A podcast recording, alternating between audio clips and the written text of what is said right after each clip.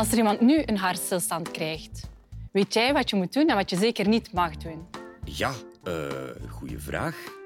Tien keer het hart masseren en dan mond-op-mond beademing? Of is het omgekeerd? Enfin, uh, ik weet het niet meer. Ik heb een opfrissing nodig. En gelukkig is Cornelia Genbrugge, spoedarts, er om het mij terug te leren. Waarom moet ook jij leren reanimeren? Dit is de Universiteit van Vlaanderen.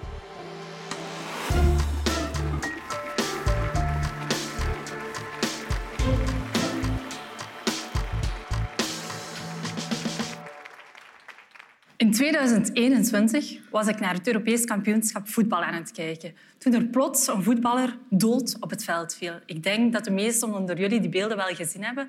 Christian Eriksen, een Deense voetballer van 28 jaar, lag plots dood op het veld tijdens de match. Als urgentiearts had ik al zin om door mijn scherm te kruipen en te gaan kijken en te helpen. Maar gelukkig waren de collega's, het medisch team, snel op het veld en startten ze de reanimatie. Hartmassage, beademing en defibrillatie. Gelukkig, na enkele minuten reanimatie begon zijn hart terug te kloppen en kon hij naar het ziekenhuis gebracht worden. Eén jaar later speelt diezelfde Christian Eriksen, die even enkele minuten dood was, bij een topclub in Engeland. Het is maar één van de vele voorbeelden waarbij basisreanimatie een leven gered heeft.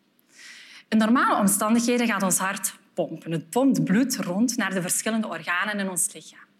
We hebben zuurstof nodig, dus eigenlijk we ademen zuurstofrijke lucht in. Die gaat via onze longen naar onze bloedvaten en dan gaan die opgenomen worden door de verschillende organen. Dus ons hart pompt het zuurstofrijke bloed rond.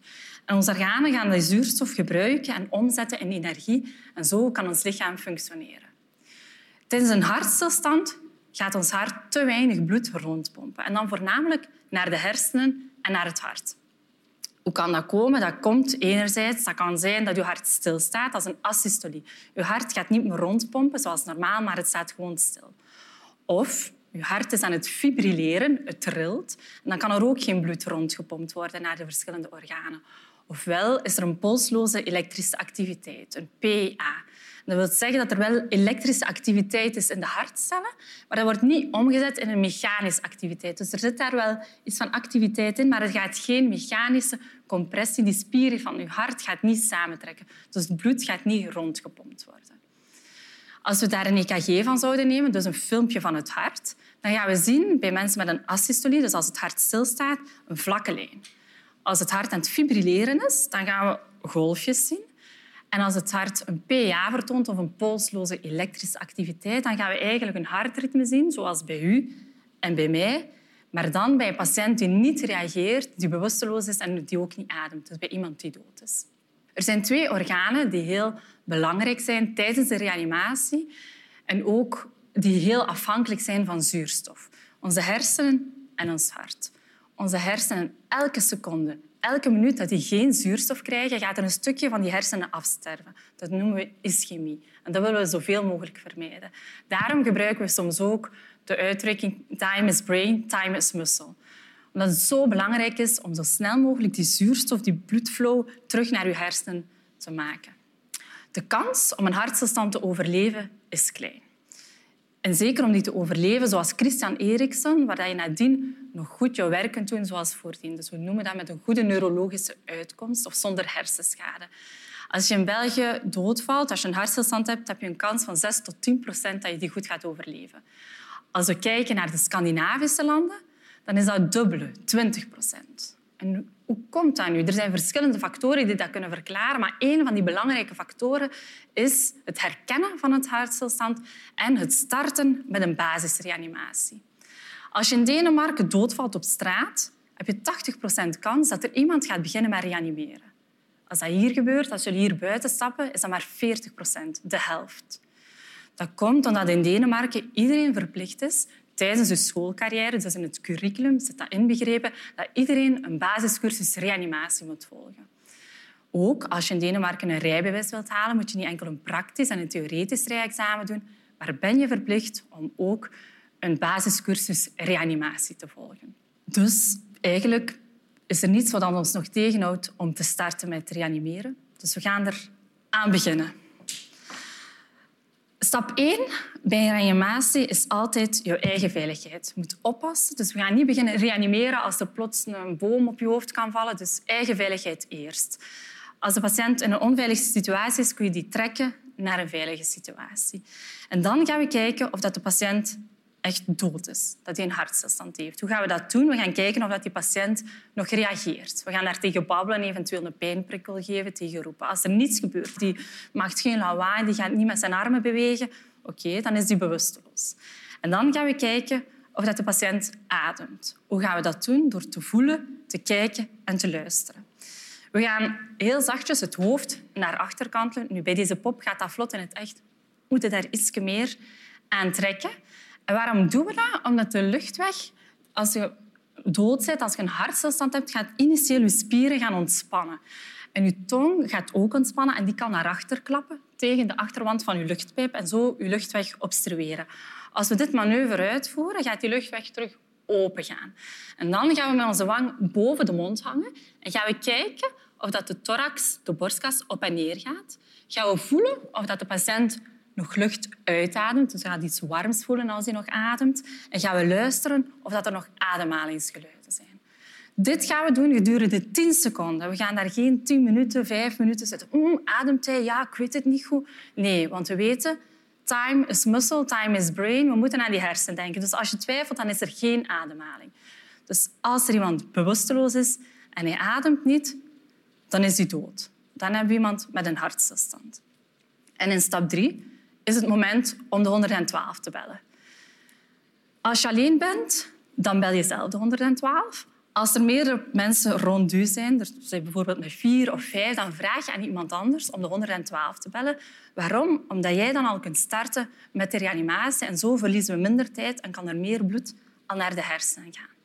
Dit is ook het moment dat je iemand anders om een AED kunt sturen. Dat is een AED. Dat zijn die bakjes die je nu overal rondziet um, in het station, aan de luchthaven, aan het gemeentehuis.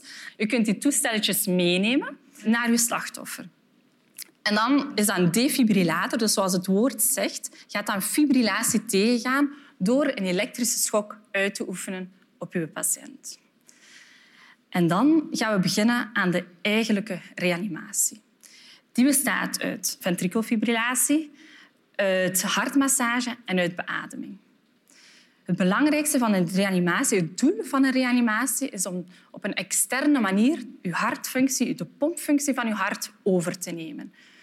Om zo weinig mogelijk neurologische schade te veroorzaken, dus om je bloed naar je hersenen te krijgen en om je hart de kans te geven om opnieuw te beginnen pompen.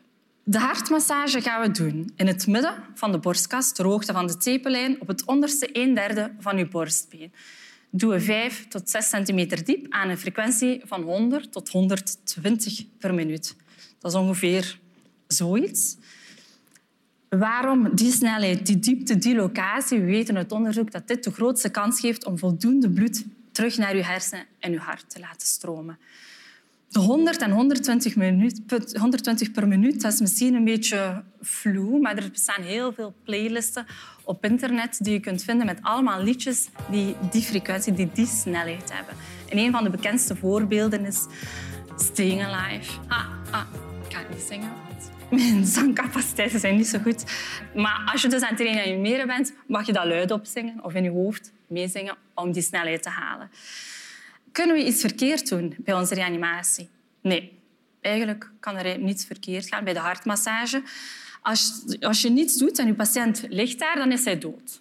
En hij gaat ook dood blijven. Hij gaat niet plots teruglevend worden. Alles wat je doet, kan alleen maar de kans vergroten om je patiënt terug levend te krijgen. Er kan een rib breken, meerdere ribben breken, maar dat weegt niet op tegen een mensenleven. Als je een been breekt, dat doet pijn nadien, maar dat is veel minder erg dan dat je dood blijft. Nog iets belangrijk bij de hartmassage. We pompen 5 centimeter diep, maar het is de bedoeling dat jullie ook terug naar boven komen, dat de borstkas terug omhoog komt. We blijven contact houden. Waarom is dat belangrijk? De omhoogkomfase is de relaxatiefase. En op dat moment kan het bloed rond het hart gevuld, de, hart, de bloedvaten rond het hart gevuld worden en geven de kans aan het hart om zuurstof te nemen en ook om opnieuw zelf de pompfunctie over te nemen. En als we 30 hartmassages gegeven hebben, dan gaan we beginnen met de ventilatie, de beademing. 30 hartmassages, twee beademingen. Elke beademing doen we gedurende één seconde. We gaan dat opnieuw doen door het hoofd zachtjes achterover te kantelen. En nu gaan we ook aan de kin trekken om de mond open te krijgen en gaan we de neus dichtknijpen. En waarom gaan we die neus dichtknijpen? Ik zou niet willen, als ik adem, dat die lucht direct via de neus naar buiten gaat. Die lucht moet naar die longen gaan. Dus daarom gaan we die neus dichtknijpen. En dan gaan we gewoon een grote teug nemen. Voilà, dat was één beademing. Dat doe je twee keer na elkaar en we starten onmiddellijk terug met de hartmassages. Als je nu denkt, oh, er zit schuim op die mond, vies speeksel, daar is braaksel, ik vind dat allemaal maar vies, ik heb daar geen zin in, dat hoeft niet. En zeker tijdens corona werd het zelfs afgeraden. Dan hebben we veel liever dat jullie gewoon hartmassage geven van een goede kwaliteit dan tijd te verliezen met een mond proper te maken. Want op dat moment gaat er niets naar de hersenen, gaat er geen bloed naar de hersenen en zijn die aan het afsterven. Als er een vreemd voorwerp in de mond zit en je ziet het zitten, bijvoorbeeld een losse tandprothese, mag je dat er gewoon uithalen. Niet blind met de vingers of met het hand in de mond zoeken naar iets, want dan weten we dat dat vaak het vreemd voorwerp nog dieper in de mond wordt geduwd. En nadien is het voor ons moeilijker om die luchtweg terug um, vrij te krijgen. 30, 2, 30 compressies, 2 beademing. En dan het laatste wat we nog kunnen doen, is de AED gebruiken, de defibrillator. De automatische externe defibrillator. Zoals het toestel de naam het zegt, is een automatisch toestel. Dus het werkt van zijn eigen. Je zet de knop aan en dat toestel gaat uitleggen wat je moet doen. Dat gaat heel luid beginnen babbelen en dat, zegt, dat legt alles uit, exact wat het moet doen. Um, er zijn twee van die patches die we op het lichaam van de patiënt gaan plakken. En daarin zitten er ook twee sensoren. En die sensoren kunnen het hartritme analyseren. Dus die patches, als je die daarop plakt, dan gaan die het hartritme analyseren en een onderscheid kunnen maken, zoals we eerst gezien hebben tussen een ventrikelfibrillatie, als het hart aan het trillen is, tussen een asystolie of een polsloze elektrische activiteit. Een defibrillator gaat enkel werken voor mensen met een ventrikelfibrillatie. Het gaat een elektrische schok geven en die ventrikelfibrillatie stoppen. En op die manier gaat het hart terug zelf kunnen pompen. Kunnen we daar iets verkeerd bij doen? Nee. Het ergste wat er kan gebeuren is als je de patiënt aanraakt terwijl dat de schok gegeven wordt. De schok gaat tussen die twee sensoren gebeuren en de patiënt gaat de hoogste intensiteit krijgen. Als je de patiënt aanraakt terwijl je de schok geeft, ga je ook een kleine schok krijgen, maar die is helemaal niet erg. Je gaat nooit letsels geven. Om dit te voorkomen gaat het toestel ook luid en duidelijk zeggen afstand houden, dat gaat zo'n lawaai maken. Kan er dus iets misgaan bij het reanimeren? Ik denk van niet. Er is geen reden om niet te reanimeren. Waarom moet je leren reanimeren? Om een leven te kunnen redden. Je kan ook op andere manieren een leven redden. Bijvoorbeeld met jouw data.